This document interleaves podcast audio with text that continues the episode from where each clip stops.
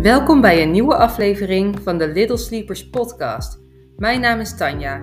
Ik ben kinderslaapcoach en ik help gezinnen op een liefdevolle en praktische manier aan meer slaap. In deze podcast deel ik concrete tips, ideeën en persoonlijke ervaringen over slaap en ouderschap. Hallo lieve jij, wat fijn dat je er bent bij deze podcast. Een podcast die best een beetje spannend voor me voelt, omdat het een onderwerp is wat gewoon ontzettend veel nuance nodig heeft. Ehm, maar wel een onderwerp waarvan ik vind dat het wel eens besproken mag worden. En ik heb hier al meerdere blogs over gelezen. Ik ken visies van meerdere slaapcoaches en vandaag hoor je die van mij. Want Little Sleepers is aan het groeien, wat prachtig is. Maar met groei komt ook een keerzijde. En dat zijn dan toch een beetje de haters. De mensen met een andere visie en die dat op een beetje een veroordelende manier aan je willen overbrengen. Die misschien iets tegen je zeggen, terwijl het helemaal niet nodig is om een, om een mening te geven. Hè? Want ik vraag niet om iemands mening. Maar dat maakt me wel heel bewust van de keerzijde die er eigenlijk ook nog is in het ouderschap. En de ja, tendens wat er af en toe heerst rondom slaapcoaching en het wel of niet schadelijk zijn van bepaalde dingen. Dus ik wil deze podcast maken omdat ik antwoord wil geven op die vraag of slaapcoaching schadelijk is. En daarvoor ga ik even bij het begin beginnen. En dat is, als je het hebt over slaapcoaching, wat is dat nou eigenlijk? Want bij slaapcoaching denken heel veel ouders toch nog wel van, dat zijn harde methodes waarbij je je kindje moet laten huilen en alleen moet laten. En dat heb ik al een keer geprobeerd, dat lukt niet. Dan is hij uren aan het krijsen en dat is zielig. Nou, dat is natuurlijk uh, deels uh, zit er een kern van waarheid in. Hè? Er worden vaak slaapmethodes gebruikt om kindjes bepaalde vaardigheden aan te leren. Maar het is echt niet zo zwart-wit. Slaapcoaching is namelijk veel meer dan dat. Want als je een slaapcoach inhuurt, dan wordt er vaak gekeken naar allerlei aspecten die met slaap te maken hebben.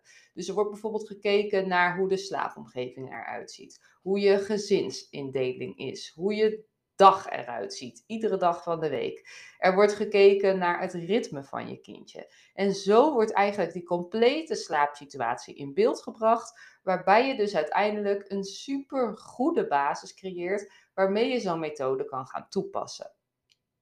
Dat is wat slaapcoaching is. Het is niet één ding, één gouden tip, één verandering. Als je een goede slaapcoach vindt, dan denkt die slaapcoach op allerlei manieren met je mee. En die heeft een holistische benadering, wat wil zeggen dat alle dingen die met slaap te maken hebben, meegenomen worden in het advies. Ouders kiezen voor een slaapcoach omdat er tegenwoordig veel behoefte is aan wat meer rust.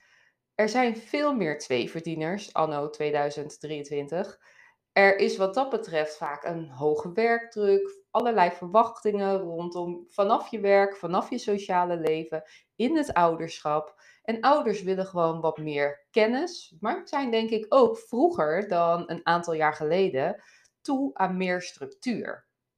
Dat is natuurlijk lastig, hè? want daar zit ook een beetje die grens. Wat mag je verwachten van een jonge baby als het gaat om ritme, routine en structuur? En dat is per kind super anders.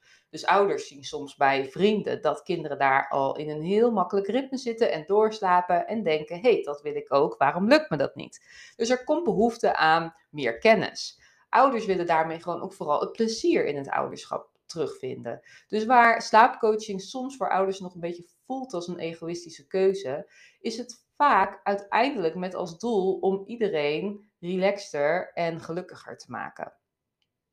Nou, als je de keuze maakt voor een slaapcoach, dan is het vooral belangrijk uh, dat je let op iemands achtergrond en iemands opleiding. Want slaapcoach is een onbeschermd beroep, dus iedereen mag dat doen. Ook jij kan je morgen lekker inschrijven als slaapcoach, of wat voor coach dan ook. Um, maar het is dus echt wel van belang om je te gaan verdiepen in wat de achtergrond van iemand is. Of diegene ervaring heeft in het werken met jonge kinderen. Welke opleiding ze hebben gedaan en hoe lang dat duurde en hoeveel tijd dat vroeg. En, en is er wetenschappelijke onderbouwing in die, in die opleiding terechtgekomen?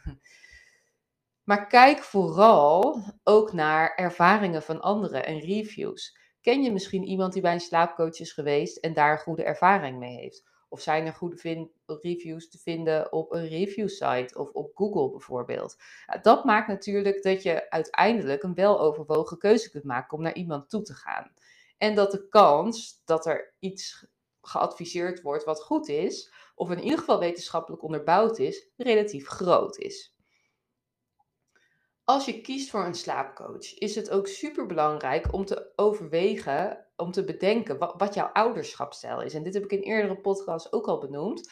Maar je wil graag een slaapcoach die aansluit bij jouw visie. En er zijn heel veel verschillende visies. Wat ik dus prachtig vind, ik probeer dat positief te benaderen, want er zijn heel veel verschillende ouders, er zijn heel veel verschillende kindjes. Dus hoe mooi is het dat er verschillende meningen zijn over hoe je kan omgaan met slaap. Ik zou nooit iemand anders of een andere slaapcoach gaan afvallen om wat zij zeggen. Als zij wiegen in het eerste jaar de hele dag door stimuleren, helemaal leuk. Als dat hun ding is en zij trekken daarmee ouders aan die daar helemaal mee resoneren, dat is toch prachtig, dat is geweldig. Maar dat van mij is het niet. En ik hoop dat ik dus ook mensen aantrek die zich daar ook niet comfortabel mee voelen. En ik zal nooit dan de ander zeggen dat wat zij doen fout is. Want in het ouderschap kan je denk ik maar heel weinig fouten maken. Uitzonderingen daar gelaten natuurlijk. Maar ik denk dat de meeste van jullie die dit luisteren ontzettend liefdevolle ouders zijn die, die op een kindje reageren wanneer dat nodig is op een hele liefdevolle manier. En dat is een supersterke basis. Als je het over hechting hebt, is dat wat belangrijk is. Dus zoek iemand, zoek een professional die dus die goede basis heeft, die die achtergrond heeft, maar waarbij je je ook echt goed voelt. Dat is wat mij betreft een van de belangrijkste dingen. Je wil dat jouw visie overeenkomt met dat van, een, van degene die jij in jouw opvoedteam aanhaakt, zeg maar. Ik ben iemand die heel erg de focus heeft op routines, op rust, op regelmaat, voorspelbaarheid. Ik geloof erin dat je kan werken aan het afbouwen van nachtvoedingen, ook in het eerste jaar. Ik geloof erin dat je mag werken proactief aan doorslapen bij je kindje. Als het je op wat voor manier dan ook te veel wordt en je hebt het gevoel dat jouw kindje het aan kan. Die keuze kan je prima zelf maken. En ik bespreek altijd met je of je doelstellingen realistisch zijn. En als je doelstellingen niet realistisch zijn, dan geef ik het je aan. Dus ik denk dat het ook fijn is dat ik vooral mensen aantrek die dat ook zo voelen. Die ook op die manier in het ouderschap staan en met bepaalde dingen willen omgaan. Die ook echt behoefte hebben aan ritme en routines. En er zijn ook zat die ouders die dat helemaal niet hebben. Nou, die moeten ook zeker niet bij mij komen. Slaapcoaching is op meerdere momenten niet geschikt. En of het dan direct schadelijk is, is een tweede, maar het is niet geschikt als je dus een ouder bent die bijvoorbeeld 100% de behoeftes van hun kindje willen volgen, dan denk ik dat je bij een slaapcoach niet echt helemaal aan het juiste adres bent. Want de slaapcoach kijkt toch mee om bepaalde verbeteringen toe te passen. Of dat nou in ritme is, of in voeding, of in, in manieren om je kindje te laten slapen. Dus je gaat iets veranderen. En dat is nooit de behoefte van je kindje. Dus als je 100% wil varen op die behoeftes van je kindje, het wiegen, het voeden op verzoek, het ritme laten gaan zoals het is ja, dan heb je denk ik een heel ander soort coach nodig om misschien jou wat verder te helpen. Als er medische problemen zijn of grote levensveranderingen, zijn ook echt momenten waarop ik mensen adviseer: joh, wacht nog even en kom over een paar weken bij me terug als het beter gaat. Want als je dan met slaapcoaching aan de slag gaat, is het enerzijds het resultaat waarschijnlijk niet goed. En aan de andere kant weet ik niet zeker of slaapcoaching op dat moment schadelijk zou kunnen zijn. Dus dan verwijs ik je liever even naar een ander moment. Waar natuurlijk heel erg de vraag zit in of slaapcoaching schadelijk is, is bij het laten huilen van kinderen. En studies wijzen uit dat het laten huilen van je kindje schadelijk kan zijn als er structureel niet wordt voldaan aan fysieke of emotionele behoeftes van een kind. Denk dan bijvoorbeeld aan ernstige verwaarlozing. Het betekent niet dat er direct onomkeerbare schade is. Dus er is nog geen studie die, die heeft uitgewezen dat laten huilen direct zorgt voor onomkeerbare schade. Ik geloof erin, en de wetenschap laat tot nu toe ook zien, dat als je een liefdevolle en fijne, responsieve ouder bent, responsief bent naar je kindje, dat jouw kindje de stijging van cortisol, wat bij stress of huilen komt kijken, heel goed aan kan. Dus ouders zijn al snel bang dat huilen kan leiden tot hersenschade of dat het hechting in de weg kan, kan staan. En dat is niet per definitie waar. Dit kan niet direct zo aangenomen en gezegd worden.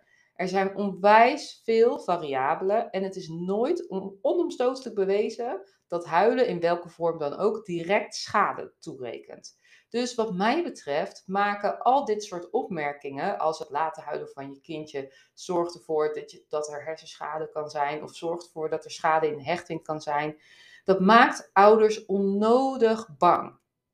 Als je dit onderwerp interessant vindt, ik heb er allerlei blogs over geschreven, want ik, ik, ik heb er onwijs veel over gelezen en er is gewoon nooit bewezen dat huilen schadelijk is. Er zijn studies die die richting op wijzen, maar er zijn ook onwijs veel studies die eigenlijk het tegendeel bewijzen. Die zeggen dat op korte termijn het verhogen van de cortisol niet direct leidt tot hersenschade of welke vorm van schade dan ook. Dus het is ontzettend grijs gebied en ik snap dat dat ook heel verwarrend is, vind ik zelf ook. Maar ik denk ook eigenlijk dat de waarheid hierbij een beetje in het midden ligt. Tuurlijk zullen er momenten zijn of situaties zijn waarin huilen, stress op stress op stress, ergens schadelijk is. Maar dan zit er in de basis waarschijnlijk al iets knel. En er, ik geloof er ook in dat kinderen misschien wel een week of langer kunnen huilen zonder dat ze daar op de lange termijn iets aan over hoeven te houden. Kan ook zo zijn. En als je dan je afvraagt of slaapcoaching schadelijk is, dan geloof ik er dus in dat slaapcoaching niet schadelijk is als je een betrouwbare slaapcoach hebt met de juiste kennis en achtergrond, als medische problemen zijn uitgesloten. Sterker nog, slaapcoaching zorgt meestal voor uitgerustere en vrolijkere ouders. Daarbij ben je meer betrokken, meer liefdevol. Dat zorgt alleen maar voor een sterkere hechting. En in die end is voldoende slaap natuurlijk ook heel belangrijk voor de fysieke en mentale gezondheid van jezelf, maar ook van jouw kindje. Dus de keuze om een slaapcoach in te schakelen, die maak je vooral zelf. Beslis of je toe bent aan wat extra kennis of wat extra hulp, of dat je liever gewoon je eigen gevoel volgt. Beide manieren van ouderschap zijn goed. Er is hierin geen goed of fout. Er zijn onwijs veel methodes die je kan gebruiken. Het laten huilen van je kindje is al lang niet meer de meest gangbare of enige methode. Dus daarin zijn er zoveel keuzes die je kan maken, zoveel manieren die je kan kiezen, dat suggereren dat slaapcoaching of slaaptraining schadelijk is, echt niet oké is. Slaapcoaching is niet schadelijk. Ik ben heel benieuwd of je hier vragen over hebt. Ik kan me voorstellen dat dit echt weer zo'n podcast is waar ik veel opmerkingen en vragen over ga krijgen. En kom maar op, want ik vind het leuk om hierover te kletsen, uh, als dat op een respectvolle manier is. Ik vind het fijn om ja, elkaar standpunten te kunnen begrijpen en verschillende visies te horen.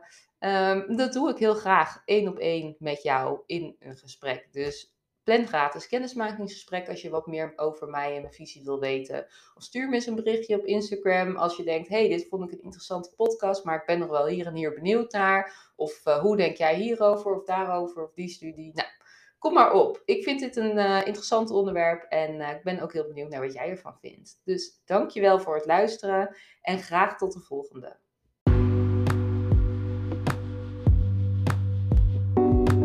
Onwijs bedankt voor het luisteren. Hopelijk heb je veel ideeën om meer rust en energie te creëren voor jouw gezin. Laat het me weten. Deel iets over deze podcast op social media of tip hem bij je vrienden. Graag tot de volgende keer bij de Little Sleepers podcast.